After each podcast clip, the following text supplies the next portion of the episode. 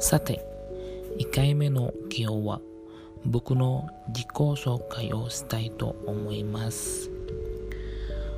僕はですね、もちろんインドネシアで生まれましたが、2011年に日本に行くことになりました。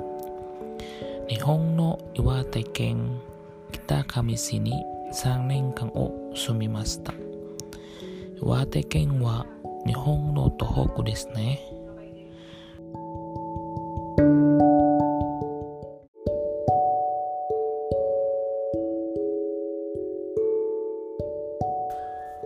東京からバスで8時間かかります。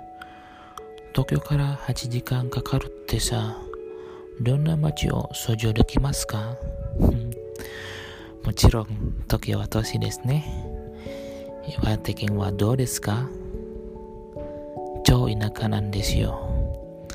でも、人々は東京の人より優しいですよ。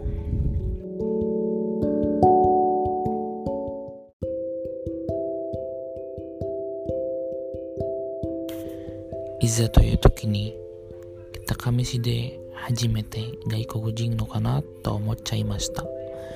なぜかというと、北上であんまり外国人を見られなかったです。インドネシアから僕と友達合計で20人います。最初はどこにも行ったらいつもインドネシアの友達と一緒に行ったり遊んだりしました。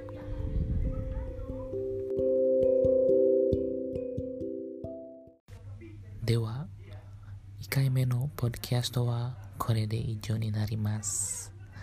もちろん僕の経験をもっと聞かせたいと思います。